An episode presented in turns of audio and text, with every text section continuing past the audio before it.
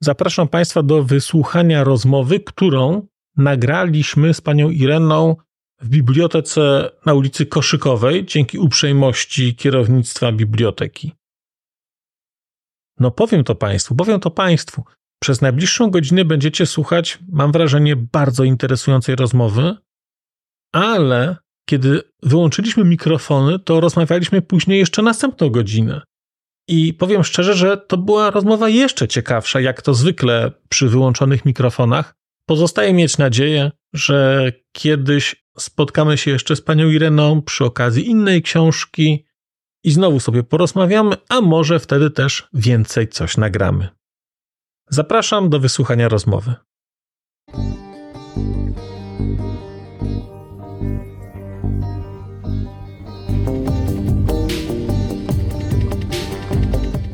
Literatura ze środka Europy.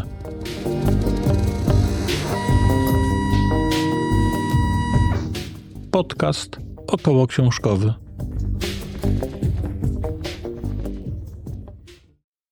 Dzień dobry, witam Państwa bardzo serdecznie. Marcin Piotrowski, podcast Literatura ze środka Europy.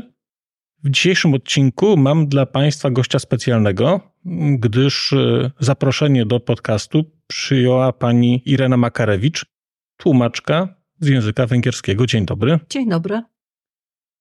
Okazja jest do spotkania taka, że właśnie ukazuje się, albo w momencie, kiedy ten odcinek będzie wyemitowany, już będzie na rynku, nowa książka w przekładzie pani Ireny. Książka Miklosza Banfiego, policzone, dobrze mówię? Bardzo dobrze. Bardzo dobrze, bo język węgierski to ma to do siebie, zaraz chyba do tego też przejdziemy, że nie do końca wiem, jak nazwiska wymawiać i imiona, i to jest e, straszne, jak człowiek czyta i chce, żeby mu te rzeczy wybrzmiewały w głowie, a wie, że w 90% wybrzmiewają fałszywie. Książka okazuje się nakładem wydawnictwa Oficyna. No i miałem możliwość tę książkę przeczytać i przyznam, że chciałem o tej książce od razu zrobić audycję, ale potem doszedłem do wniosku, że moja opowieść będzie wysoce ułomna, bo książka jest bardzo wyjątkowa i chciałbym o tej książce porozmawiać z kimś, kto dla Państwa będzie mógł trochę tę książkę naświetlić, bo po prostu przeczytanie jej bez takiego głębszego kontekstu mam wrażenie, że mnóstwo rzeczy tam po prostu zginie. Więc bardzo się cieszę, że możemy rozmawiać. Panią Irenę możecie Państwo znać jako tłumaczkę literatury węgierskiej. W przekładzie pani Ireny mamy dzieła Szandora Marojego, tak się odmienia? Tak się odmienia. Tak się odmienia. Szandora Marojego.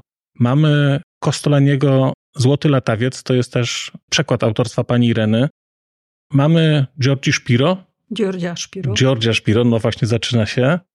Salon wiosenny, który chociażby też gdzieś był u mnie w podcaście. No i teraz jest kolejna książka, kolejna wielka rzecz. Kolejna wielka rzecz, chyba w Polsce w ogóle nieznana, nie tylko jako dzieło, ale także jako autor, prawda? Bo wydaje mi się, że nawet trudno znaleźć takie szersze informacje o Banfim. Rzeczywiście w języku polskim e, jest bardzo mało informacji. Jestem autorką chyba jedynego e, w ogóle artykułu e, na jego temat. Ukazał się ten artykuł już wiele lat temu w zeszytach literackich, co jest też dowodem na to, ile lat zajęło mi to, żeby ta książka wreszcie ukazała się również w Polsce.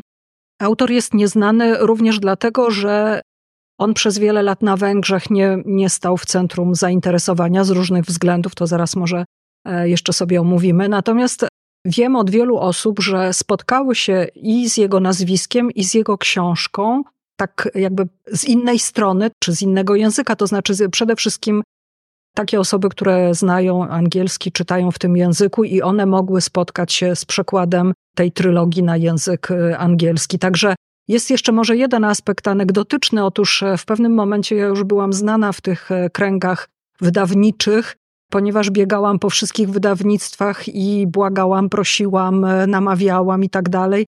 Więc może w tym kontekście był znany Banfi, czy może ja byłam znana jako ta osoba, która już od wielu, wielu lat próbuje umiejscowić Banfiego na rynku polskim. Bo rozumiem, że to staranie nie jest przypadkowe i Rozumiem, że pani bardzo wierzyła w to, że ta literatura ma wartość i że powinna być na język polski przełożona. Jednocześnie tak patrząc czysto ekonomiczno-wydawniczo, to jest wielkie przedsięwzięcie, bo to są, ten pierwszy tom to jest 650 stron i to takiego sporego formatu. To, to jest wielka trylogia i ona jest znacząca jakoś dla kultury węgierskiej w ogóle, czy to jest po prostu pani pasja czytelnicza, że pani po prostu to znała i uważała, że warto, żeby to było przełożone? Moim zdaniem e, to jest e, coś takiego, co należy do dziedzictwa europejskiego. Ja uważam, że ta książka nieprzypadkowo odnosi sukces w wielu różnych krajach i Tutaj Węgry nie są e, akurat na piedestale, dlatego że tam były no, pewne wewnętrzne uwarunkowania, które nie pozwoliły po II wojnie światowej pociągnąć sławy i chwały Banfiego. On przez wiele lat był autorem przemilczanym, a wręcz zakazanym. Jego książki trafiły na indeks. Dlaczego? Dlatego, że on miał nieszczęście urodzić się w Siedmiogrodzie, który po II wojnie światowej pozostał przydzielony do Rumunii. W Rumunii oczywiście e, Węgrzy zaraz po wojnie arystokracja węgierska była poddawana takim trybunałom ludowym, które miały na celu po prostu wyeliminowanie tej warstwy, tej klasy społecznej. A sam Banfi tutaj jako były minister spraw zagranicznych Węgier, osoba, która bardzo wiele zrobiła dla mniejszości węgierskiej w Siedmiogrodzie, no był po prostu persona non grata niemalże. Więc jemu było trudno przebić się zarówno na Węgrzech, gdzie wiadomo panował komunizm, ale w Rumunii tym bardziej, no bo tam jeszcze dochodziły te wątki rumuńsko-węgierskie. Czyli Banfi był w ogóle, można było powiedzieć, podwójnie na indeksie. Był na indeksie z powodu, nazwijmy to, klasy społecznej, z której pochodziła, która no, w tamtych czasach już przestała być tą, której się słucha, i był na indeksie z powodu, no nie wiem jak to ująć, narodowości, czy miejsca, gdzie się urodził, o czym pisał, które zmieniło przynależność polityczną, geopolityczną. Tak jest. I tutaj e, koniecznie trzeba też podkreślić to, że on należał do e, grupy osób, które najbardziej liczyły na to, że Węgrzy i Rumuni będą się potrafili jakoś pogodzić z pewnymi rozwiązaniami politycznymi. On uważał te rozwiązania geopolityczne czy polityczne związane z granicami i tak dalej za nieodwracalne i skupiał się nie na tym, żeby dokonać rewizji granic, tylko żeby po prostu dać jakąś przestrzeń życiową mniejszości węgierskiej w Rumunii, ale w porozumieniu z władzami rumuńskimi. I to oczywiście taka postawa zarówno przed, w międzywojniu, przed II wojną światową, jak i po niej, po II wojnie światowej, no rzecz jasna nie cieszyła się aprobatą z żadnej ze stron. Jeszcze trzeba też dodać, że jego klasa, czyli arystokracja węgierska, oczywiście też miała mu wiele za złe, dlatego że arystokracja była klasą bardzo zamkniętą. Przecież nie powstawały żadne szczegółowe opisy jej wewnętrznego życia i Banfi, który wyłożył kawa na ławę, jak to tam w środku wygląda, no oczywiście też został, no nie mogę powiedzieć, że zbesztany, bo to nie była taka osoba, którą można by besztać, no ale miano mu to za złe, że on otworzył drzwi i pokazał, jak tam jest w środku naprawdę. Jest jeszcze drugi pisarz węgierski z Siedmiogrodu, którego też tłumaczyłam, Albert Wosz. On napisał jedną z książek, która z kolei odsłaniała pokazywała od środka takie ziemiaństwo e, siedmiogrodzkie pochodzenia węgierskiego. I on też, kiedy przedstawił e, swoją opowieść, to się nazywa Wilczy Dół, to też był poddawany krytyce i zarzutom, że takich rzeczy się nie robi, że jednak gentleman ma zobowiązanie wobec warstwy klasy, z której się wywodzi. No bo to jest książka, o której czytałem wcześniej, że zestawia się z Marszem Radeckiego Rota, zestawia się ją ze Złotym Latawcem. Zresztą akurat to, to porównanie samo mi się też narzucało poprzez sposób pisania, być może także sposób przekładu. Tylko, że o ile Złoty Latawiec to pokazuje takie mieszczaństwo, o ile Rod pokazuje, no powiedzmy, nie wiem jak to ująć, wyższą klasę średnią albo takich ludzi, którzy się uszlachcili niedawno, no o tyle Banfi pokazuje no właśnie, czy to jest arystokracja, czy to jest magnateria węgierska, bo to jest taka najwyższa klasa, tak można by powiedzieć, która no de facto kształtuje dzieje kraju tak długoterminowo. Tak, elita, creme de la creme, tak, zdecydowanie to jest, to jest elita. Ja tutaj waham się trochę przed używaniem polskich e, terminów, dlatego że po pierwsze ta historia nie była taka sama w Siedmiogrodzie i, i w Polsce. Po drugie, kiedy przekładamy sobie tak zwyczajnie termin za termin, to w pewnym sensie tracimy jakiś kontekst, który jednak powoduje czy sprawia, zależy czy uznajemy to za negatywne czy pozytywne, że wydaje nam się, że to tak samo tam było jak u nas. No nie, no jednak te różne kraje Europy Środkowo-Wschodniej miały swoją własną historię, swoje własne problemy. To, że nam się w pewnym momencie, na przykład w tej książce, coś zaczyna rymować z aktualnymi naszymi, na przykład polskimi sprawami, to jest po prostu wielka zasługa autora, który potrafił zuniwersalizować swoją opowieść. Natomiast jeśli chodzi o same szczegóły, to jak pan zapewne zauważył, czytając, że ja tam czasami też używam albo węgierskich określeń, albo tłumaczę, e, że mam z czymś pewien kłopot. Na przykład teraz pracuję nad drugim tomem i tam już postanowiłam, że umieszczę taki przypis, nie wiem jeszcze co redakcja na to powie, bo jest taki problem, że Węgrzy w tamtych czasach, ale i teraz nie mówią mniejszości narodowe, tylko mówią narodowości. Nemzetiségek. I niby to jest to samo, ale to nie jest to samo. Dlaczego? No bo jak my mówimy mniejszość narodowa, to zwracamy uwagę, że mniejszość, czyli czegoś było, kogoś było mniej niż innych. No, na Węgrzech była taka sytuacja, że lokalnie ta mniejszość, Chorwaci, Rumuni, powiedzmy, że oni wcale nie byli liczebnie mniejszością. Więc, żeby jakoś uniknąć tego problemu czy, czy tego zafałszowania, mówi się po prostu narodowości. No, na, w polskim przekładzie są takie zdania, gdzie wstawienie słowa narodowości no, komplikuje sprawę, bo to po prostu nie brzmi po polsku, a poza tym czytelnik od razu zadaje pytania, dlaczego pani nie używa słów mniejszości narodowe. No więc, więc to są takie kłopoty, dlatego ja nie zawsze przekładam jeden do jednego, tylko staram się też, jeśli uważam, że to jest e, ważne czy ciekawe, staram się też podać ten kontekst.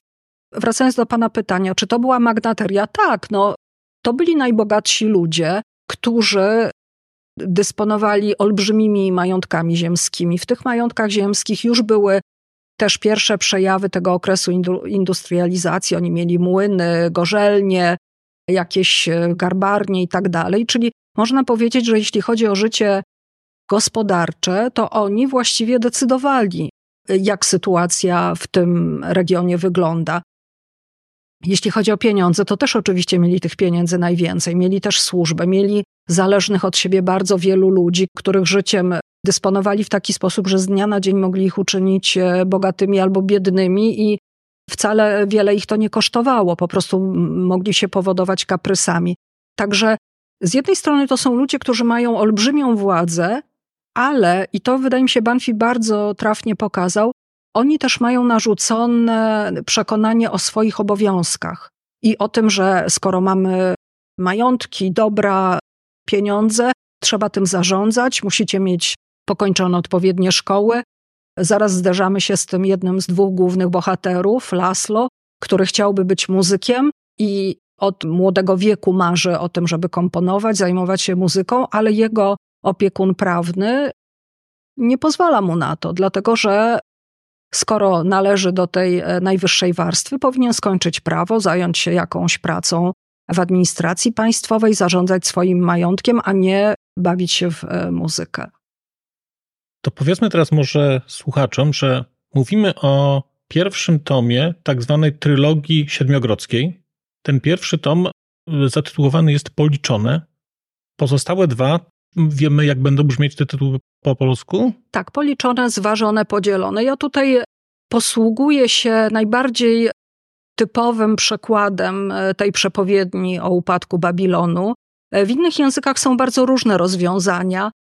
Język węgierski ma to do siebie, że nie ma w nim rodzajów i można różnie tłumaczyć. Jeżeli mówimy na przykład y, to może być on albo ona, albo ono. I tak samo, jeśli mamy imię słów czy czasownik, to też nie narzuca nam się to, czy mowa o osobach, czy może o zjawiskach, czy jeszcze jakoś inaczej należałoby to zrozumieć. Ja się nad samym tytułem też długo zastanawiałam, bo to jest wielo, tytuł wielopiętrowy. Jest tak, główny tytuł RDI Turtinet, no wieloznaczne też mogłabym pół godziny opowiadać, że to jest opowieść siedmiogrodzka, ale właściwie to może być też rozumiane jako historia, która dzieje się w Siedmiogrodzie, czyli już napotykamy jakieś tam dwuznaczności.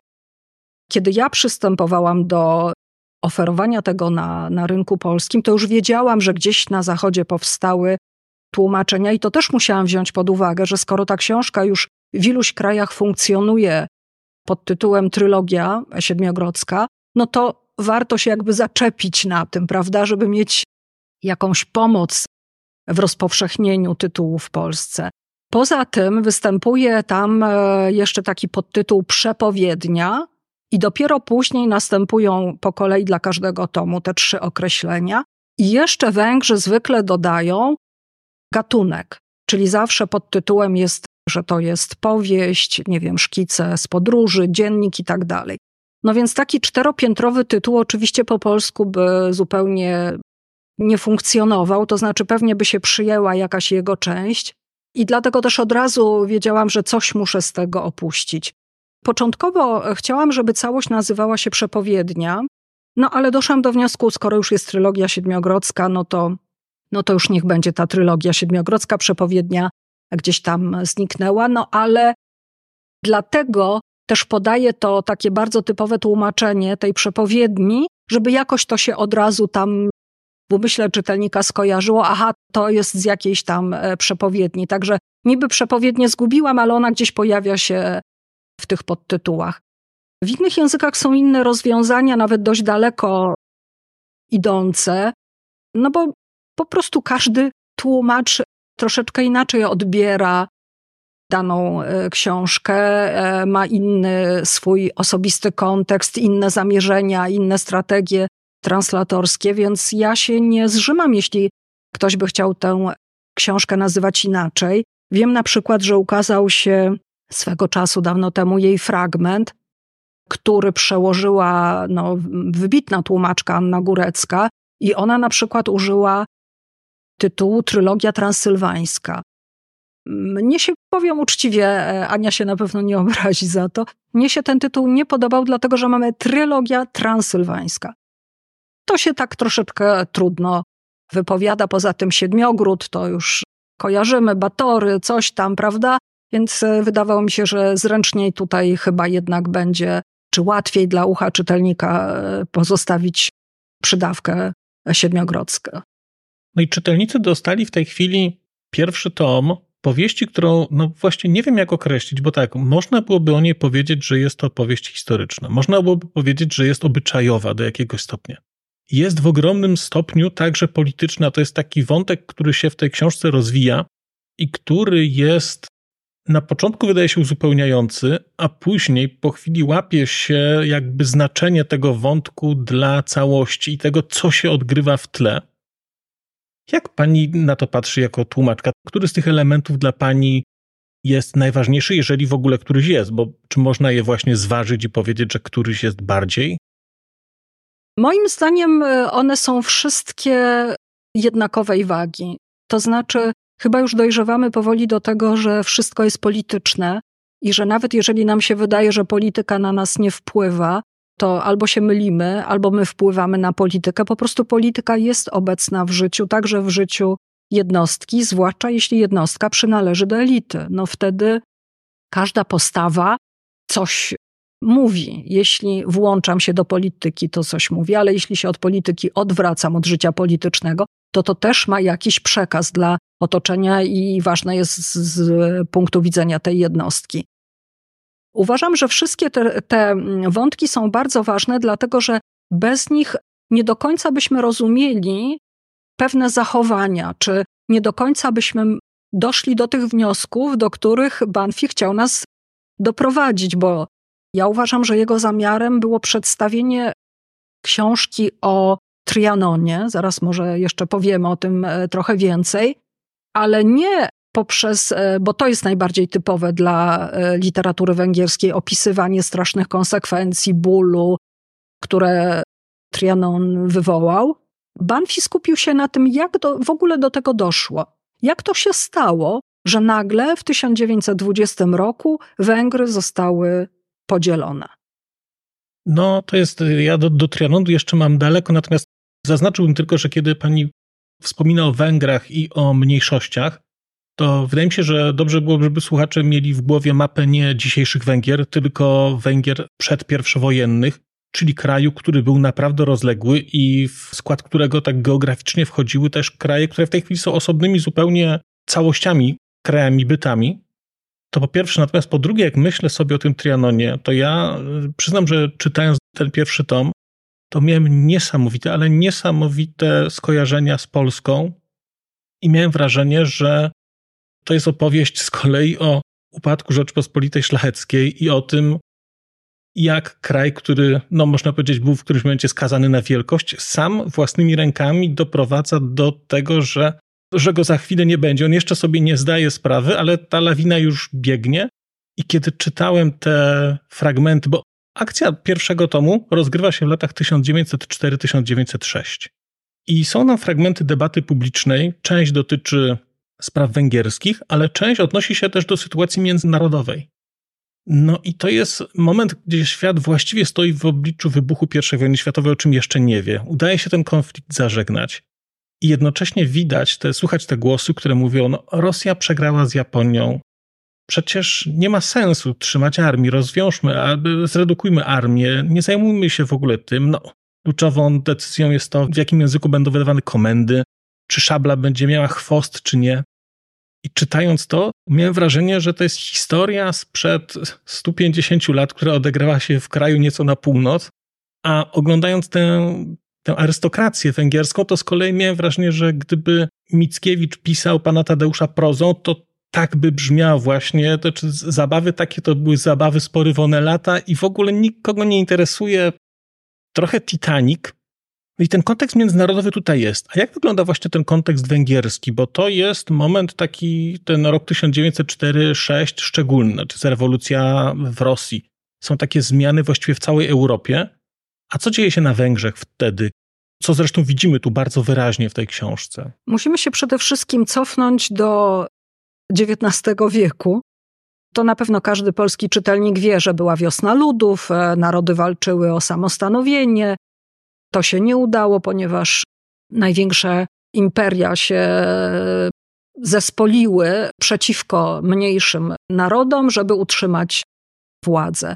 Więc mamy rok 1848-9, później są oczywiście represje, i później jest taka sytuacja, kiedy Cesarstwo Austriackie właściwie stoi na granicy upadku. I to nie jest teza popularna, ale ja też tak uważam, że właściwie gdyby nie ugoda z Węgrami, no to Austria w ogóle straciłaby na znaczeniu. W 1867 roku dochodzi do tej słynnej ugody, powstaje monarchia dualistyczna, mamy cesarza na czele, ale też on, bo to jest unia personalna, on od razu jednocześnie jest królem Węgier. I właściwie następują lata wspaniałego spokoju i pokoju, i to jest ten okres, w którym dorasta na przykład Banfi, kiedy kraj się może rozwijać bardzo szybko, przychodzi industrializacja, ale jak to e, kiedyś George Shapiro powiedział, jeśli już przychodzi trzecie pokolenie, które nie słyszało o wojnie, o represjach i tak dalej, no to znowu musi się coś stać. I właśnie początek XX wieku to jest taki okres, kiedy Węgrzy w ramach monarchii dualistycznej zaczynają podnosić głowę w tym sensie, że to, na co się zgodzili kiedyś tam ich ojcowie, dziadkowie, no to już nie odpowiada dzisiejszej relacji y, czy stosunkowi sił i należałoby to zmienić. I zaczynają się takie walki, w, oczywiście w parlamencie węgierskim z adresami, czyli takimi jakby wezwaniami do króla, żeby on zaingerował, żeby zmienił, żeby powstała nowa równowaga wewnątrz tej monarchii dualistycznej. Oczywiście to jest niemożliwe, dlatego takie zmiany nie są możliwe, bo to wiązałoby się z tym, że inne narody, podobnie jak Węgrzy, też by podnieśli głowę i wtedy mielibyśmy nie monarchię dualistyczną, tylko może trialistyczną, a może jeszcze w ogóle by się to wszystko rozpadło. Czyli z jednej strony to też jest taka główna linia podziału i to odwołującego się do czasów w pewnym sensie zamierzchłych, bo sprzed powiedzmy pół wieku że jedni są za tymi ideałami 1848 roku, czyli pełniejsza niezależność, a inni mówią nie, to jest e, droga donikąd. musimy robić wszystko, żeby podtrzymać ugodę 1867 roku. I oczywiście dochodzi do różnych walk w parlamencie, do obstrukcji, dojdzie później też e, do zmiany rządu i nagle się okaże, i to jest właśnie bardzo uniwersalne, nagle się okaże, że po długim czasie tych walk e, parlamentarnych, e, gdzie żeby przejąć władzę już wszystko, wszystkim naobiecywano, no właśnie opozycja zdobywa władzę i w drugim tomie też będziemy to widzieć, że wtedy opozycja musi zacząć spełniać swoje, dawna opozycja musi zacząć spełniać swoje obietnice, czyli jakby połknąć żabę, udać, że nic się nie stało i spróbować wyjść z sytuacji. I wtedy znowu zaczyna się podnosić jakieś kwestie poboczne z jednej strony, a z drugiej strony zaczynają się walki wewnątrz tej dawnej opozycji. No już nie będę dalej opowiadać, bo to przyjdzie w drugim tomie i myślę, że też będzie ciekawie zarysowane. Podkreślę tylko, że Banfi opisuje to wszystko nie jako osoba, która, nie wiem, czytała gazety, słyszała coś, no telewizji nie było, radia jeszcze też nie było, więc to nie jest tak, że on z gazet to wziął, tylko on po prostu był posłem i aktywnym politykiem. Pełnił wysokie funkcje w administracji państwowej, posłował, więc po pierwsze, wszystkie te problemy znał z pierwszej ręki. I wydaje mi się, że to bardzo się wyczuwa po tych opisach, bo tam esencjonalnie jest podane coś, co tylko tym osobom wewnątrz całego procesu było znane aż, aż e, do tego stopnia. Za to Banfiego naprawdę należy bardzo pochwalić, ale też od razu zdradzę, że z mojego punktu widzenia tłumaczki to było szalenie trudne, żeby nadążyć za nim. I dlatego ja byłam zmuszona w pewnym sensie, żeby na przykład czytać sprawozdania parlamentarne, żeby się zorientować, do kogo on pije w danym momencie, jak to było naprawdę. Dlatego, że no wiadomo, słowa w jednym języku mają wiele odpowiedników e, w innym języku, i teraz w zależności od tego, czy użyjemy słabszego, czy mocniejszego słowa, no scena może mieć zupełnie inny wydźwięk, więc żeby nie nadpisać tej książki, czyli nie napisać czegoś, czego Banfi nie miał na myśli, no y, trzeba było wykonać bardzo dużą pracę.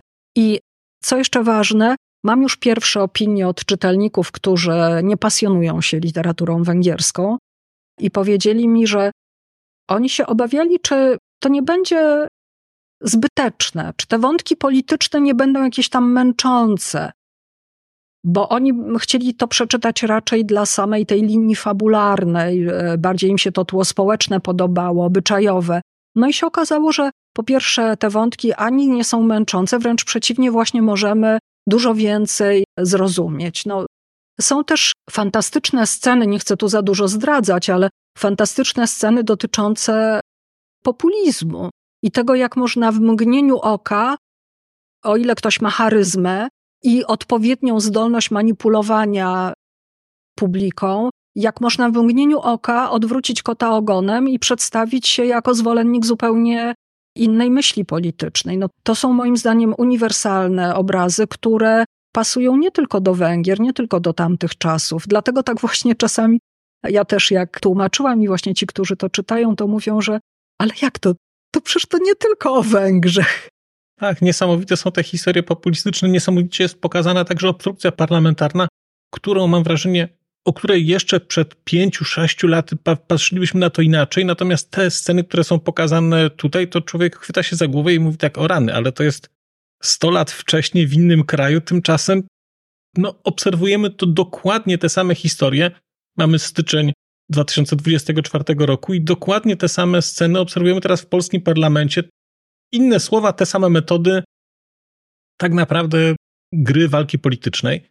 Natomiast bardzo dużo mówimy tu o polityce, ale to podkreślmy to, że to jest jeden z wątków bardzo istotny, ale to nie jest książka polityczna. I tak jak pani wspomniała, jeżeli ktoś miałby obawy albo chciałby przeczytać taką wielką powieść, taką, taką fabularną, to po policzone można śmiało sięgać, bo ta polityka pojawia się w którymś momencie na początku mało, później bardziej, ale jest też, no trudno powiedzieć, że tłem. Natomiast jeżeli się będzie chciało przeczytać tę książkę z polityką w tyle, to da się ją przeczytać z polityką w tyle, a eksponować te wątki, nazwijmy to społeczne, czy takie wręcz romansu jakiegoś, no bo tam się toczą dwie historie miłosne, niespecjalnie szczęśliwe, tak bym to powiedział, które stanowią taką główną oś fabularną.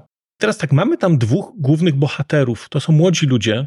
Jeden to jest właśnie, zastanawiam się teraz, kiedy słuchałem tego, co pani mówiła, zastanawiam się, do jakiego stopnia Balint Abadi jest jakimś alter ego autora, no bo jest to poseł. Też, jak pani wspomniała o tym, że chciał się dogadywać z Rumunią, no to tamten Balint Abadi też podejmuje takie próby. Nie wiem, jak one się skończą, no bo to jest dopiero pierwszy tom, ale Wydaje mi się, że obawiam się, że mogę się domyślać, jak się skończą. Ale jest młody człowiek, który, no właśnie, funkcjonuje w ramach tej arystokracji i który pokazuje takie życie, którego do tej pory nie widziałem, bo to rzeczywiście jest takie spojrzenie ze środka bardzo, bardzo głębokie. Od strony konstrukcyjnej trochę patrzyłem na tę książkę. To wydaje mi się, że tam jest chyba sześć takich głównych części, i każda z tych części to ma taki jeden centralny punkt, taki element, który pokazuje życie tej arystokracji w jakimś konkretnym miejscu. Na przykład jest to polowanie, na przykład jest to jakiś bal, na przykład jest to kultura y, kasyna. Jest jeden taki główny element, wokół którego coś jest budowane, ale jest to pokazane tak szczegółowo i z taką dbałością o taki kontekst, że no byłem, byłem oszołomiony tym, że można, to Państwu zdradzę, przeczytałem pierwsze zdania, kiedy tam takie padają, że ktoś zaczyna coś mówić, to jest chyba około 80 strony. Przez cały fragment dłuższy książki, która otwiera, jest opisana podróż do majątku ziemskiego. W trakcie tej podróży głównego bohatera mijają inne bryczki, powozy. Każda taka mijanka jest okazją do tego, żeby opowiedzieć coś o kimś. I to jest coś niesamowitego. Ja tak czytam, czytam, czytam i uświadamiam sobie rany facet jedzie jakiś kawałek, tymczasem właściwie w książce nic się nie wydarzyło, a już mnóstwo rzeczy wiem. Tak, to jest niespotykany sposób prezentacji bohaterów książki i kontekstu. Na pewno jestem za mało czytana, ale przyznam, że ja nie spotkałam jeszcze żadnej książki, która właśnie w taki sposób pokazywałaby po kolei bohaterów. I co jest ważne, tam jest cała galeria postaci, które nie są głównymi postaciami w tej opowieści. Właściwie niby one są poboczne, ale prawie każda z nich ma jakiś taki szczególny rys, dzięki któremu od razu mamy obraz całej arystokracji. Wyglądu, sposobu myślenia, ich zajęć, przekonań. To wszystko jest pokazane właśnie w takim no niezbyt długim czasie, kiedy Balint udaje się do majątku Lacoków. I Uważam, że to jest po prostu mistrzowskie. To jest coś takiego, jakby ktoś tworzył bardzo wielki obraz. Ja nieprzypadkowo używam też określenia fresk. Nie tylko dlatego, że mamy tam e, olbrzymią panoramę, galerię postaci, ale też dlatego, że Banfi był malarzem, ale też był muzykiem. Miał swoje własne kompozycje muzyczne i dlatego, ponieważ on wiedział, co to znaczy skomponować, zakomponować. On wiedział, e, że nie może być gdzieś jakiejś pustej przestrzeni pozostawionej, bo zapomnieliśmy albo nie mieliśmy pomysłu, tylko że to wszystko musi być od początku do końca wypełnione w taki sposób, żeby powstawało coś spójnego, żeby zwracać uwagę na detal, ale nie zapominać o tym, że czytelnik będzie stał trochę dalej i będzie patrzył z dalszej perspektywy. Więc to jest jego no, niesamowita umiejętność i absolutnie chylę czoła przed nim, aczkolwiek nie jeden raz zdarzało mi się też go tam e, poszturchiwać i ganić, że, że no, na przykład kwestia tych powozów, zawsze o tym mówię, że, że po polsku mamy na każdy taki pojazd inną nazwę i jest szalenie trudno tłumaczowi z tego niewielkiego kontekstu wywnioskować, no, jakim oni teraz jadą pojazdem. No wiele się nauczyłam, bo na szczęście są miłośnicy powozów i są muzea i można sobie pewne rzeczy sprawdzić, no ale, ale wszystkiego nie da się sprawdzić. A też jeszcze może zdradzę taką rzecz, że pomimo tego, że to wszystko jest bardzo pieczołowicie i wiernie i tak dalej, to oczywiście są momenty, kiedy Banfiego, nie wiem czy z zamysłem, czy nie, ale ponosi fantazja. I na przykład jak kiedyś rozmawiałam, bo był taki problem z nazwą ptaka. No i okazało się, że najwięksi znawcy ornitologii e, na podstawie tego kontekstu nie, nie mogą przypisać konkretnego gatunku, dlatego że to, gdzie gniazduje, jak wygląda okolica i tak dalej, no nie, pasu, nie, nie, nie składa się. I teraz rzecz jasna, można, no też już liczę na to, że najbardziej skrupulatni czytelnicy będą mnie zarzucać jakimiś tam informacjami, że a oni wiedzą najlepiej, że w tym miejscu to to, a w tamtym to tamto powinno było być, a nie coś innego. Ale tutaj trzeba też oddać głos pisarzowi. Ja tak uważam, że on też ma prawo do tego, żeby nazwać coś po swojemu. To, że my jesteśmy tacy naukowi, to nie znaczy, że sto kilkadziesiąt lat temu w Siedmiogrodzie coś nie mogło być nazywane inaczej. Więc wracając do prezentacji bohaterów, ona jest, ona jest niesamowita i zachęcam, żeby zwrócić na nią uwagę, dlatego że tam nie ma przypadkowych ludzi. Oni wszyscy się pojawią i okaże się, że każdy z nich będzie miał jakiś bardzo ważny wkład w historię tych dwóch głównych bohaterów. Nawet takie osoby, które wydają nam się do 150 czy 200 książki nieistotne, nagle gdzieś tam dalej okaże się, że a jednak one są bardzo istotne i, i będzie jeszcze mnóstwo zaskoczeń i co też jest wielką zasługą Banfiego, okaże się, że on opisuje nie tylko to pokolenie, tych młodych dwóch mężczyzn, ale też idzie jedną generację wcześniej i wtedy nagle okazuje się, że to, gdzie my dzisiaj jesteśmy, to nie jest tylko nasza praca, nasze osiągnięcia albo zaniechania. Nie. To się ciągnie już od pokoleń. To są jakieś konsekwencje. To przechodzi z ojca na syna, czy z matki na córkę, a może z dziadka na, e, na wnuczka. I czasami dobrze, a czasami bardzo niedobrze. Ja bym do, dołożył do tego tylko, że kiedy będziecie Państwo czytać tę książkę, to koniecznie róbcie sobie notatki, zwłaszcza na początku, dlatego że brzmienia węgierskich nazwisk, które e, to brzmienia Państwo będziecie znać tak w wersji bardziej przypuszczającej, takiej, znaczy tak jak sobie wytworzycie w głowie. I ilość bohaterów na początku jest ogromna. I rzeczywiście ja się na początku gubiłem i żałowałem i nawet pisałem do wydawcy, dlaczego ta książka nie ma drzew genealogicznych, chociażby najprostszych, oraz jakiejś formy indeksu, która później, no okej, okay, później już mi się przyzwyczaiłem, ale to później to było gdzieś 300 stron dalej, a na początku to jednak e, gdzieś mi się te rzeczy mieszały. Natomiast Banfi też w ogóle używa, na początku mnie to drażniło, później stwierdziłem, że to jest chyba celowe. Bardzo często używa takich mm, zwrotów albo przymiotników, które określają konkretne osoby. Jest na przykład piękna fani. Piękna fani, cudowna fani. Te rzeczy cały czas się powtarzają i na początku mnie to, przyznam, jakoś tak denerwowało. Mhm. Mówi się sobie, no ale jak można to tak cały czas?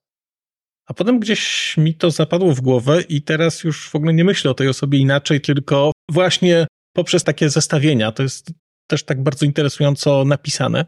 Natomiast chciałem zapytać o to, czy to jest jakaś cecha w ogóle prozy węgierskiej tamtego okresu, że te rzeczy są tak napisane, czy to jest cecha tłumacza, który te rzeczy przekłada? Bo zarówno e, w Złotym Latawcu, jak i w Policzonych miałem wrażenie takiego dosyć rzadkiego e, doświadczenia zatopienia się w lekturze. I o ile w przypadku Policzonych to jest na razie tylko moje doświadczenie, o tyle w Złotym Latawcu, który także jest książką w pani przekładzie, mnóstwo ludzi mówiło, że to jest taka książka, którą się bierze do ręki i człowiek nagle się orientuje, że jest na 460 stronie i w ogóle nie wie, kiedy to się wydarzyło. I podobnie było z policzonymi.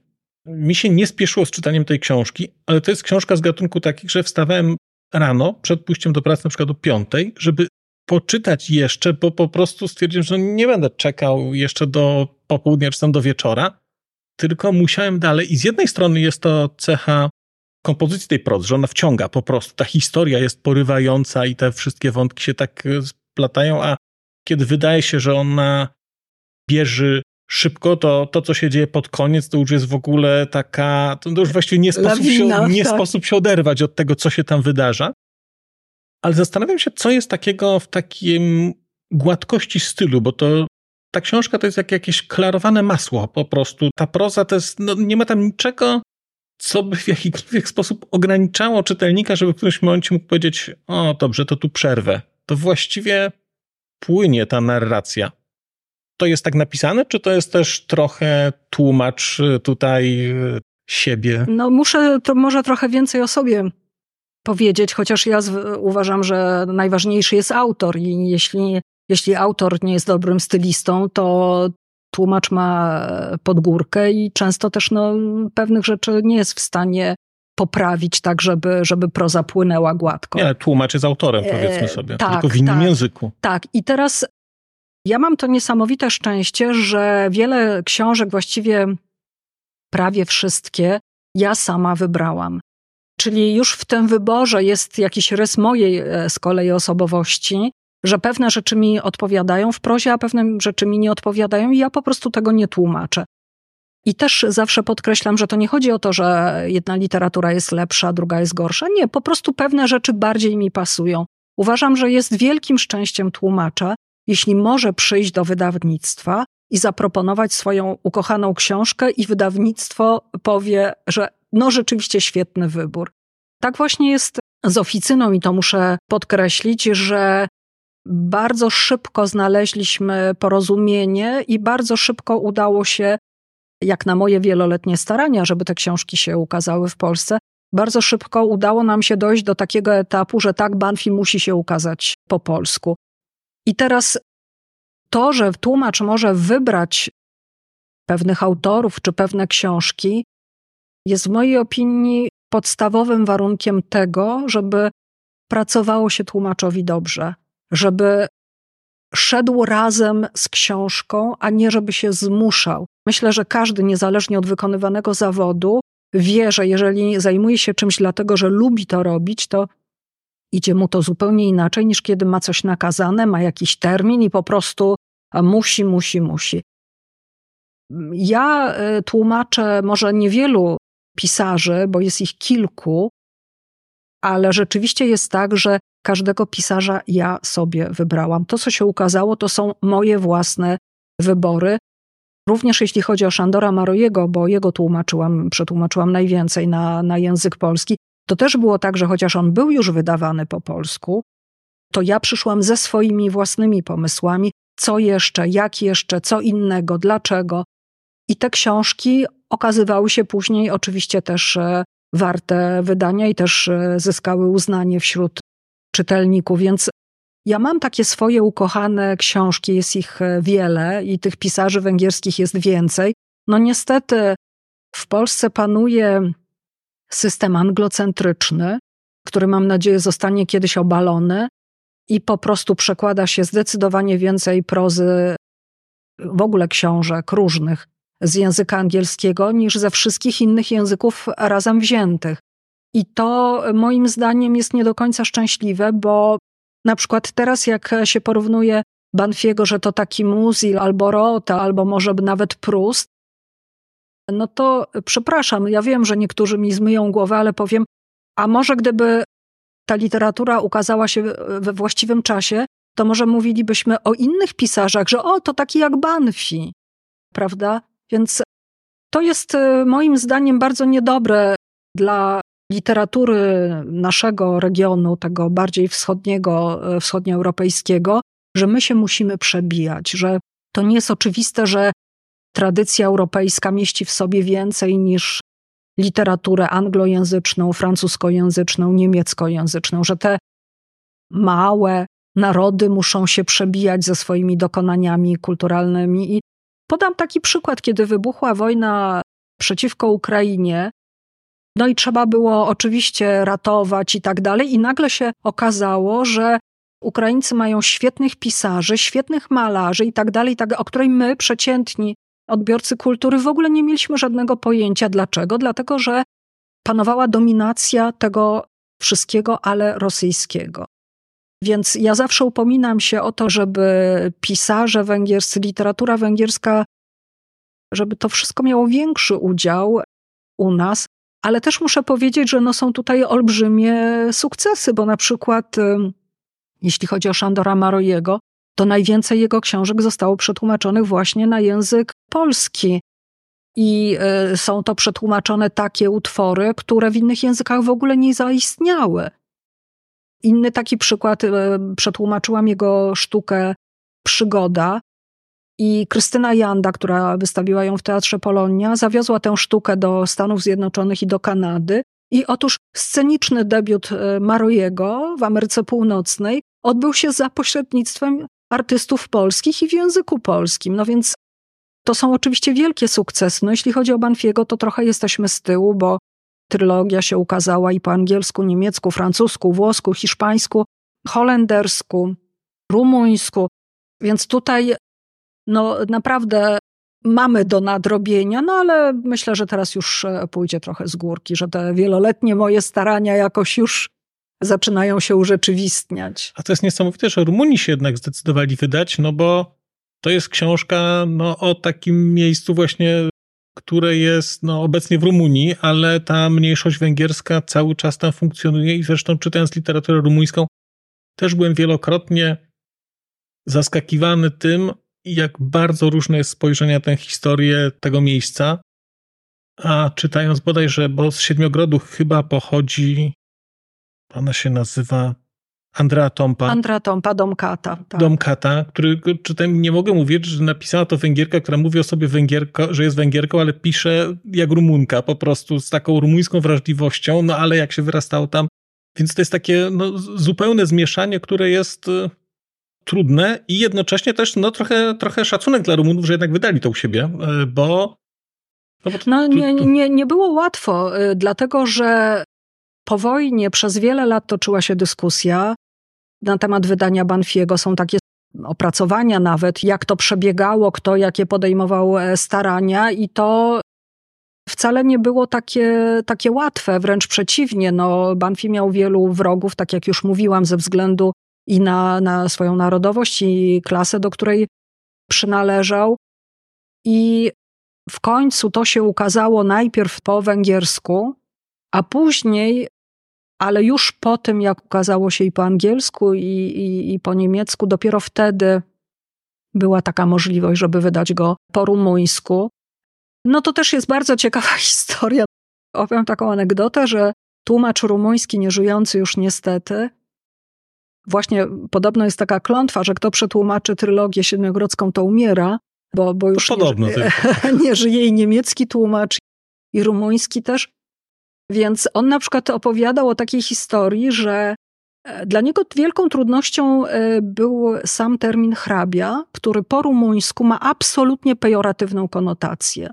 I my sobie nie zdajemy sprawy, bo my mówimy hrabia Balint, hrabia Abadi to brzmi normalnie, prawda? Natomiast on cały czas e, myślał o tym, jak to zrobić, jak to pokazać, żeby zedrzeć chociaż trochę tego negatywnego odbioru czy rysu z, z terminu hrabia.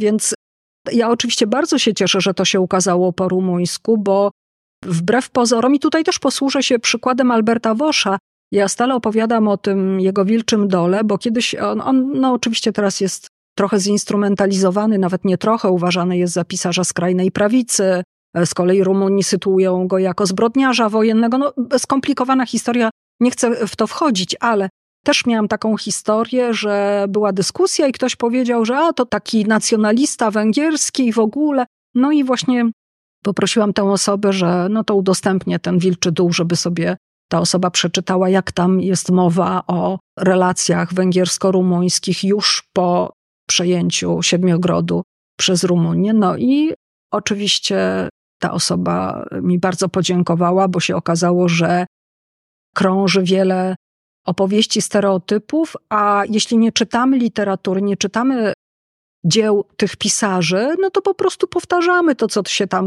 o nich mówi. I, i tak samo było z Banfim, który no, miał jakąś tam swoją rumuńską historię, po czym kiedy ukazała się trylogia, w której on bardzo pięknie przedstawia te próby pojednania, czy współpracy, czy w ogóle myślenia o Siedmiogrodzie, o tym, żeby podnieść Siedmiogród na wyższy poziom, żeby on miał większe znaczenie, obojętnie w jakim e, organizmie państwowym, ale jednak, żeby ci ludzie w sposób wolny mogli ze sobą współpracować i współżyć. Więc, więc to już e, po wydaniu troszeczkę się zmieniło. A to jest w ogóle ten siedmiogród o tyle ciekawy, że no teraz to się o nim tak mówi, Węgrzy mówią jako takiej ziemi utraconej i tak dalej, ale w tej książce wybrzmiewa ogromna pogarda wobec siedmiogrodczyków ze strony elity, powiedzmy, budapeszteńskich, peszteńskich właściwie chyba. Jeszcze tam się mówi Peszcie, ale to może tak się mówi.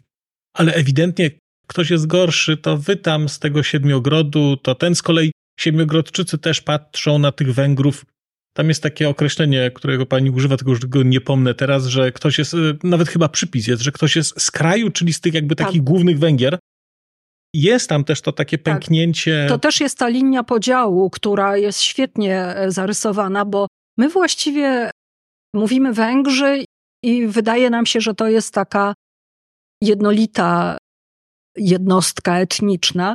Natomiast, no po pierwsze, tak nie jest, po drugie, tak na pewno nie było i był bardzo silny podział. Siedmiogród był, e, no tam też padają takie określenia, że to jest, może zapyziała to nie ma, bo nie użyłam, ale ale że to jest jakaś prowincja, że jest mowa tam o młodych pannach na wydaniu, które posługiwały się nawet językiem angielskim, bo miały oczywiście guwernantki, były wykształcone i tak dalej, ale jak przyjechały na te Węgry do stolicy, no to w ogóle nie miały powodzenia ani, ani szans na jakieś dobre zamąż pójście, właśnie dlatego, że były z tej prowincji. Tu jest coś takiego wspólnego z tym, co opisuje Kostolani, że i też to funkcjonuje w języku węgierskim, że mówi się Budapeszt, zaraz jeszcze dojdę do tego Pesztu, mówi się Budapeszt i później się mówi Widek, czyli prowincja. Wszystko inne poza Budapesztem to jest prowincja i to ma taki, bo my jak mówimy prowincja, to też ma może troszeczkę wydźwięk pejoratywny, ale nie do tego stopnia.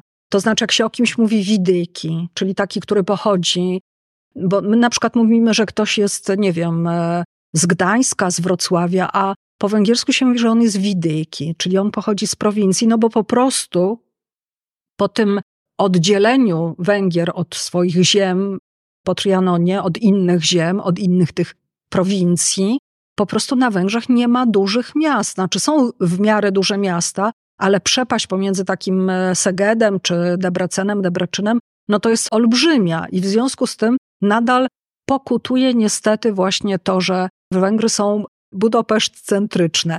Przy czym to Budo i Peszt. No to jest historia taka, że Budapeszt powstał w 1867 roku. Czyli to nie jest od zawsze istniejące miasto, tylko były różne organizmy. Była Buda, a wcześniej jeszcze była Stara Buda, czyli Obuda. Natomiast po drugiej stronie Dunaju coś się tam zaczęło tworzyć, powstał ten Peszt.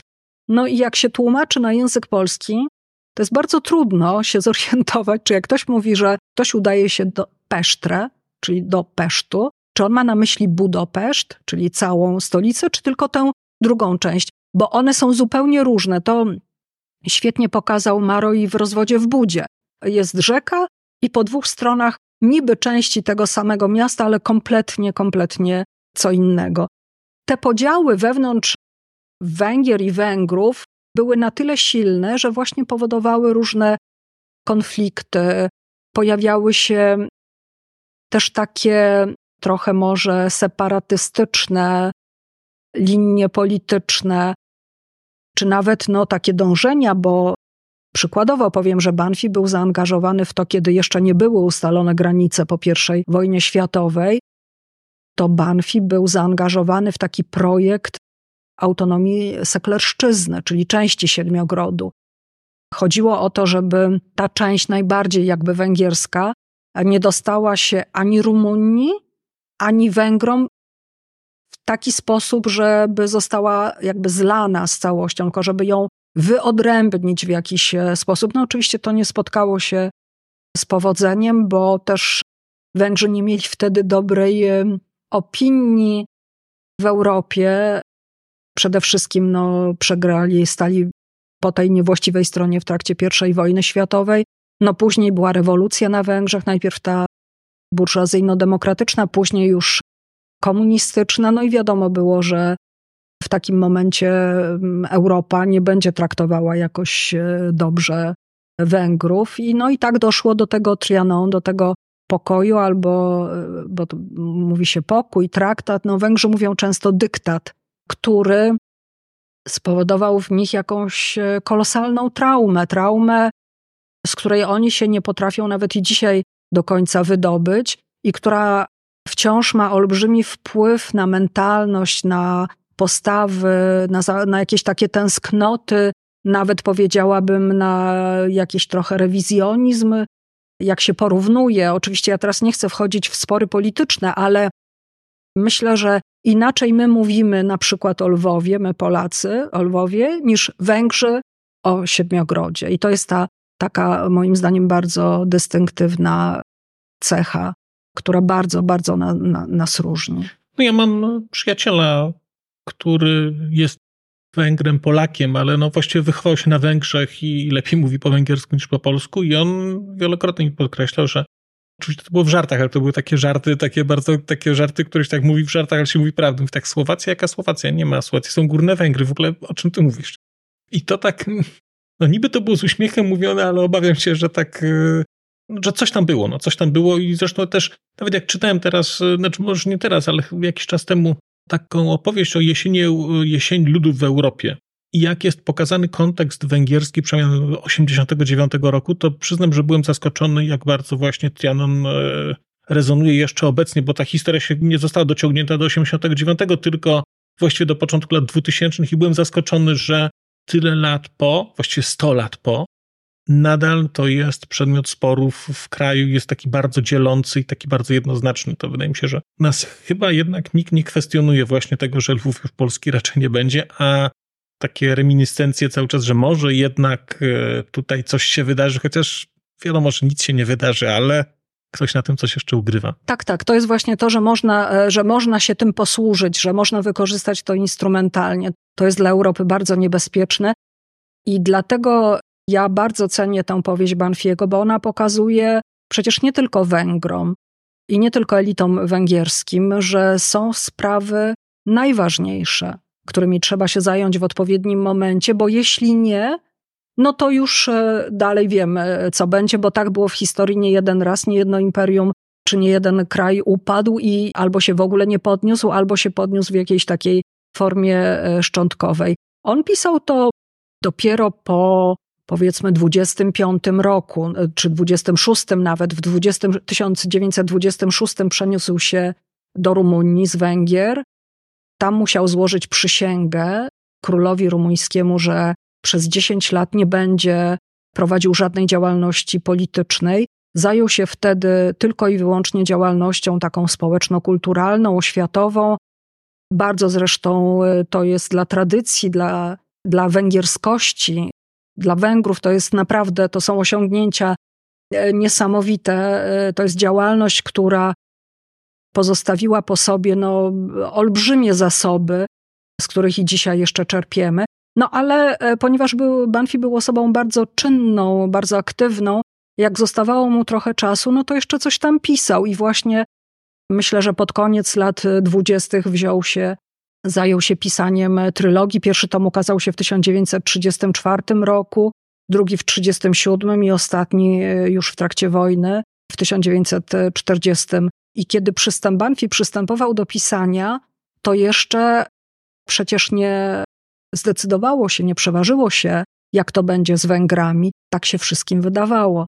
Natomiast on chciał pokazać, że to już w pewnym sensie zostało zdecydowane, że to jest coś takiego jak przed pierwszą wojną światową, że my tu się zajmujemy tym, owym, wszystko nam się wydaje ważniejsze, nie patrzymy na konsekwencje, bo ten chwost, bo te komendy, ten bank i tak dalej, a tutaj już zaraz pierwsza wojna i, i Trianon. I właśnie Banfi tak myślał o tym, że dojdzie do II wojny światowej. To był e, człowiek e, zanurzony w polityce, mający dostęp do, do, do najważniejszych osób, nie tylko na Węgrzech, ale też w Europie.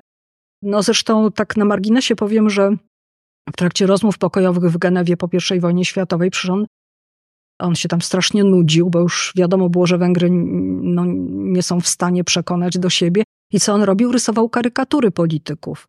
Żeby rysować karykatury polityków, no to też trzeba mieć w sobie ten zmysł do zagęszczania, do wyciągania jakiejś takiej największej istoty, do pokazywania czegoś najbardziej znamiennego dla danej osoby. No, zrobił też swoją własną karykaturę, więc to też mi się podoba, że, że miał dystans do siebie. Więc on y, trylogię siedmiogrodzką pisał jako takie ostrzeżenie. A to, że to ostrzeżenie się sprawdza nam nie jeden raz, no to już jest nasza ułomność kolejnych pokoleń. No i to pokazuje ponadczasowość tej książki, bo, bo nie znając tych kontekstów, ja akurat odnosiłem te rzeczy do Polski i było dla mnie przerażające, jak bardzo ta książka jest aktualna teraz, jak bardzo odnosiła się do tego, co wydarzyło się w Polsce wcześniej, te same mechanizmy, inni ludzie, inny sztafaż, trochę historia ta sama właściwie. Ale mm, rozumiem, że drugi tom dostaniemy kiedy? W przyszłym roku? Bo tak wstępnie wydawnictwo pisało, że w przyszłym roku będzie drugi. No, no rok e... trzeba będzie czekać. No. Ja bym bardzo chciała, żeby drugi, żeby te tomy ukazywały się co roku. Nie zależy to tak do końca ani ode mnie, ani od wydawnictwa, dlatego że przy takiej objętości jest niezbędne wsparcie węgierskie. Zaczęliśmy od tego, że, że wiele lat trwały moje starania, żeby ta książka ukazała się w języku polskim. No i zawsze było tak, że kiedy się z nią gdziekolwiek zgłaszałam, to owszem były zachwyty, ale na hasło 1500 stron albo więcej, no to po prostu projekt y, upadał. Kiedyś było już dosyć blisko, na przykład z wydawnictwem, z Fundacją Zeszytów Literackich. No ale też jak oni sobie uświadomili, jak obok, obok tych ich tomików wyglądałaby objętościowo ta trylogia, jaki to jest materiał, ile to jest e, papieru, druku, e, innych kosztów, no to, no to po prostu skończyło się tak, jak się skończyło. I wielką zasługą oficyny jest to, że ten pierwszy tom udało się wydać. To jest tom najbardziej obszerny. Mamy w tej chwili już, mogę tak powiedzieć, obietnicę, że będzie wsparcie na tom drugi. I w związku z tym też przystąpiłam do pracy, bo pierwszy tom to tak właściwie tłumaczyłam przez wiele lat do szuflady co też pokazuje sytuację biednego tłumacza, który, jeśli wierzy w książkę, to po prostu przez wiele lat pracuje za darmo i na darmo. No ale na szczęście tutaj wszystko się skończyło na razie szczęśliwie. Więc ja bym chciała, żeby ten drugi tom ukazał się w tym roku i trzeci tom w przyszłym roku. Jak to będzie w praktyce? no to myślę, że trzeba tutaj stukać, pukać do, do strony węgierskiej, żeby jednak się nie poddawała i żeby, żeby wspierała oficynę. Ja jestem bardzo wdzięczna, że ta książka ukazała się w tak pieczołowitym wydaniu, że też e, był wspaniały zespół redakcyjny pani Ania Krzywania i świetna korektorka pani Agnieszka Czerepowicka. Też chciałabym pochwalić i, i podziękować, bo Niestety literatura węgierska ma to nieszczęście, że książki ukazują się tylko jeden raz. I jeśli ten pierwszy tom będzie miał jakieś uchybienia, zostanie wydany nieszczęśliwie, bo okładka nie taka, bo druk nie taki, bo się szybko książka niszczy, psuje i tak dalej, no to nie ma tej radości. Natomiast jeśli ukazuje się to dzieło w takiej wspaniałej formie, proszę pójść do księgarni i, i najpierw popatrzeć na tę książkę, no to jest coś, co naprawdę jest wspaniale wziąć do ręki. Ja nie ukrywam, że to była jedna z najszczęśliwszych chwil w moim życiu, kiedy przyszła od wydawnictwa paczka z moimi egzemplarzami autorskimi, bo ja też nie wiedziałam, jak to wyjdzie w rzeczywistości, w tak zwanym realu. No i kiedy mogłam wziąć do ręki, no to poczułam wielką radość, ale też satysfakcję i takie zadowolenie, takie zadośćuczynienie za te wszystkie lata, kiedy uważano mnie trochę za osobę no, niespełna rozumu, która chce wydać jakąś nieznaną książkę, nieznanego autora i, i tak dalej. No i, i nagle tutaj mamy takie piękne dzieło. No, książka wydana jest rzeczywiście z maestrią. Ja nie jestem jakimś korektorem, natomiast no, jak są literówki, to widzę je. I tutaj nie było ani jednej. Na tam 650 stronach nie widziałem właściwie żadnego takiego błędu. Natomiast też e, apeluję do Państwa, jak będziecie Państwo rozważać tę książkę, to nie przeraźcie się jej objętością, bo weźmiecie do Państwo do ręki no taką klasyczną cegłę, książkę, która będzie formatu takich książek akademickich, grubą, ale to jest taka sytuacja, w której mam wrażenie, środki są adekwatne do formy, bo to nie jest książka na raz, tylko to jest taka książka, która no wierzę, że zostanie w tej biblioteczce na długo i być może nawet dla przyszłych pokoleń. Jakkolwiek dziwnie to brzmi, to wydaje mi się, że to jest taka literatura, która jest e, cały czas aktualna, będzie aktualna, a jednocześnie, tak jak pani mówi, no pewnie szanse na to, że to, znaczy moglibyśmy sobie życzyć, żeby były do druki i tak dalej, ale, ale to są no takie tak, dzieła, które rzadko się ukazują. Tak. E, jeszcze tutaj w tym momencie chciałabym wrócić do tej pańskiej uwagi, że przydałaby się jakaś informacja, genealogia i tak kontekst. Od razu muszę powiedzieć, pierwszy tom jest najobszerniejszy i teraz zaopatrzenie go jeszcze w, jakiś, e, w jakieś posłowie czy wstęp, no wydawało mi się już czymś nadmiernym. Wiem, że o Banfim wiele rzeczy nie ma po polsku, ale ja uważam, zgadzam się z wydawcą, że jeśli coś się pojawi, to powinno się pojawić na końcu. To znaczy, wydaje mi się, że ja wiem, że dzisiaj jak ktoś czyta i nagle nie pamięta, kto to jest ten Lacok, a kto to, i mu się te imiona, nazwiska mieszają i to po prostu... Na początku tak jest, rzeczywiście. No. To może jakby miał gdzieś tam e, jakąś tabelkę czy coś, to, to byłoby mu łatwiej, ale ja wychodzę z takiego założenia, że już sam fakt, że ktoś po tę książkę sięga, oznacza, że to nie jest osoba, która się łatwo poddaje i że to jest czytelnik wnikliwy. Po prostu mam zaufanie, że, że jednak ten wysiłek zostanie podjęty. Też, e, no, przyznam, ja kiedyś w ogóle nie pisałam niczego do książek. W pewnym momencie zaczęłam pisać posłowia z kontekstem węgierskim, bo zauważyłam, że on jest kompletnie nieznany. No a tutaj tego kontekstu, tego wszystkiego byłoby tyle, nie dałoby się napisać na, nie wiem, pięciu, dziesięciu stronach i wydawało mi się, że jeśli ma być coś byle jakiego, po prostu, no bo wypadałoby, no to lepiej zostawić to na ten najmniej obszerny trzeci tom, bo tam akurat e, będzie trochę tego miejsca i nie chcę obiecywać, że na pewno się to posłowie pojawi. Wiem, że pan czytał posłowie do Złotego Latawca i dziękuję za wspaniałe słowa, które no aż, przyznam, buzię otworzyłam bo ja czasami e, tak się zastanawiam, czy to jest w ogóle ciekawe dla kogoś, jakie ja mam mm, jako tłumacz problemy związane z tym, co jest podstawą tłumaczenia, co się tam pojawia, z czym ja się mierzę i tak dalej. No i akurat w Złotym Latawcu uznałam, że no trzeba o tym napisać, bo inaczej to, to czytelnik podejdzie, a to taka jakaś tam zwykła książeczka czy książka, no przeczytam, zapomnę za chwilę. I chciałam pokazać, jak to wygląda od zaplecza, czyli od tej drugiej strony. No i rewelacyjnie, że takie rzeczy się pojawiają. Znaczy, mnie to zawsze fascynuje, jak się książkę tłumaczy, ale ja uważam, że w szczególności jak są konteksty takich małych narodów, literatury małych narodów, to nieszczęsne, że o Węgrzech mówi, że to mały naród.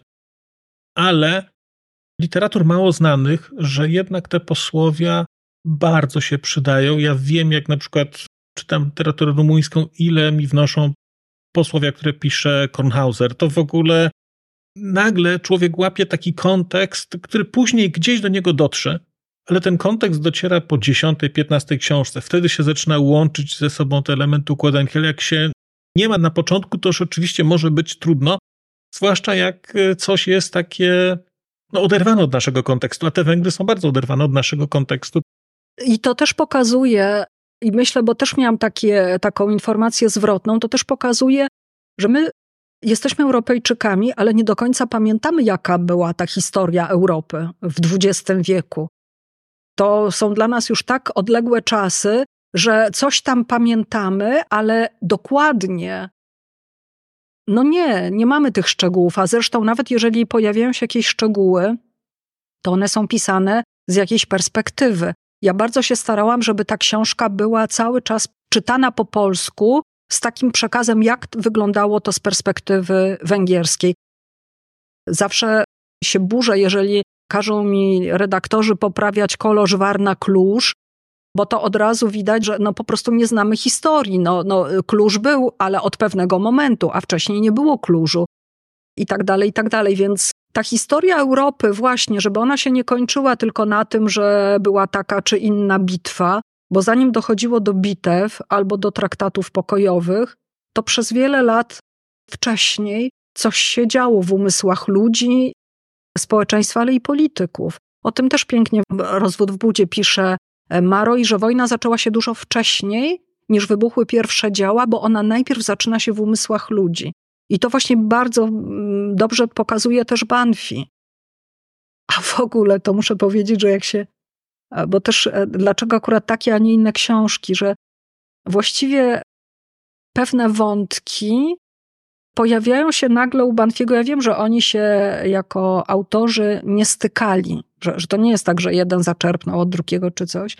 Jak te wątki się pojawiają paralelnie, bo tak jak właśnie Maroi kiedyś powiedział, że po prostu przychodzi taki moment, on powiedział to wtedy, kiedy jemu zarzucono, że on splagiatował e, francuską powieść na początku swojej kariery literackiej, że po prostu tak jest, że w Europie przychodzi taki moment, coś się pojawia w atmosferze, że w różnych miejscach różni ludzie zaczynają podejmować podobne tematy, ale piszą o nich z własnej perspektywy. I mnie na tej węgierskiej perspektywie, na pokazaniu, jak wyglądała historia Węgier, ale też Europy, jak to wyglądało, gdy patrzyło się z perspektywy węgierskiej. Tu Banfi jest absolutnie e, mistrzem. Historię piszą najczęściej zwycięzcy, a Węgrzy dwa razy byli w przegrali. No, można tak powiedzieć, że obie wojny, no to znaleźli się po tej stronie, która... Po niewłaściwej. Po niewłaściwej, po niewłaściwej, tak. Chociaż mogli się znaleźć, Banfi przecież sam osobiście uczestniczył w tych tajnych rokowaniach e, węgiersko-rumuńskich czy alianckich, bo chciał, żeby Węgry też przeszły na drugą stronę i no to się, to się nie powiodło, bo Węgrzy mieli wtedy bliższe kontakty z Niemcami i do samego końca e, woleli zostać po tej drugiej stronie. Jedyne, co mu się udało, to to, że Kolożwar nie był broniony do upadłego i dzięki temu miasto ocalało, dlatego że gdyby był broniony do upadłego, to oczywiście miasto by zostało zbombardowane przez Sowietów, no i, i, i byłoby jak, e, jak na przykład w Warszawie, że żeby kamień na kamieniu i nic więcej. Zachęcamy do czytania wszystkich czytelników potencjalnych. E, proszę Państwa, to jest rzeczywiście wyjątkowa książka i no właśnie ciekaw jestem, jak ona będzie dostępna tak publicznie w tych wszystkich księgarniach, bo ona, powiedziałbym też szczerze, że patrząc na objętość, to nie jest droga książka. Tutaj warto docenić dofinansowanie i też politykę wydawniczą oficyny, że ta książka, no mam wrażenie, nie wiem, no, wiem jaka cena jest wydrukowana. Oczywiście będzie sprzedawana pewnie taniej, tak wygląda rynek e, książki w Polsce. Ale to dla Państwa dobrze, bo to jest relatywnie byłem zaskoczony, jak zobaczyłem cenę tej książki, że ona będzie tania, bo ona chyba ma cenę około 80 zł. Tak, poniżej 80 zł, co przy dzisiejszych cenach książek, kiedy zwykła 200-300 stronicowa książka kosztuje już nawet powyżej 50 zł, no to jest e, naprawdę bardzo atrakcyjna rzecz. Tak, a tu jest, tego jest naprawdę mnóstwo bardzo dobrej literatury. No i cieszę się, że taka książka się ukazała i bardzo się cieszę też, że mogliśmy o tej książce porozmawiać. Być może za czas jakiś spotkamy się rozmawiając o drugim tomie. Zobaczymy, jak to będzie jeszcze w przyszłości. Na razie życzę wszystkim dużo wrażeń z lektury. Będę bardzo ciekawa tych wrażeń. Jeśli ktoś ma ochotę gdzieś napisać, podzielić się, to bardzo zachęcam, bo nie ukrywam, to jest jedna z moich ulubionych książek, a myślę, że nie tylko ja będę tak mówiła za jakiś czas. Bardzo dziękuję. Moim i Państwa gościem była pani Irena Makarewicz. Dziękujemy. Dziękuję bardzo. Do usłyszenia. Do usłyszenia.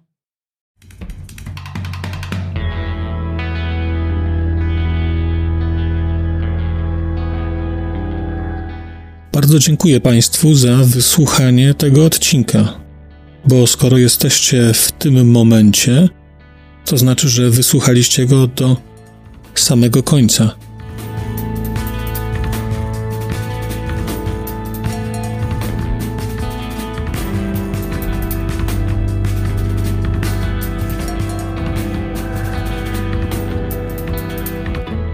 Słuchaczy platform podcastowych chciałem zaprosić na kanał na YouTube, gdzie znajdziecie Państwo te same treści, ale dzięki modułowi komentarzy będziecie mogli wejść w interakcję z innymi słuchaczami tego podcastu i dzielić się swoimi spostrzeżeniami dotyczącymi książek, ale nie tylko.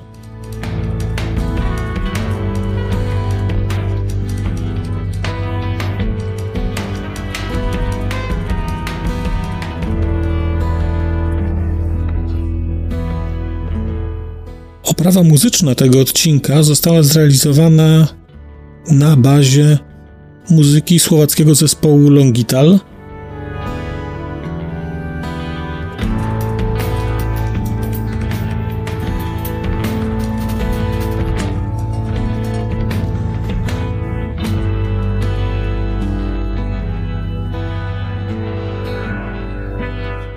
Longital to Wspaniała słowacka grupa, której muzyka jest dla mnie kwintesencją nowoczesnego brzmienia Europy Środkowej.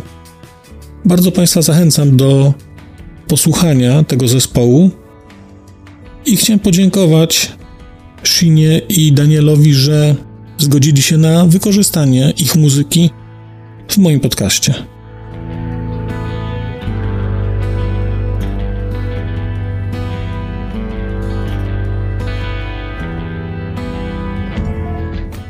Sino a Daniel, ďakujeme vám veľmi pekne, že ste nám umožnili použiť vašu hudbu.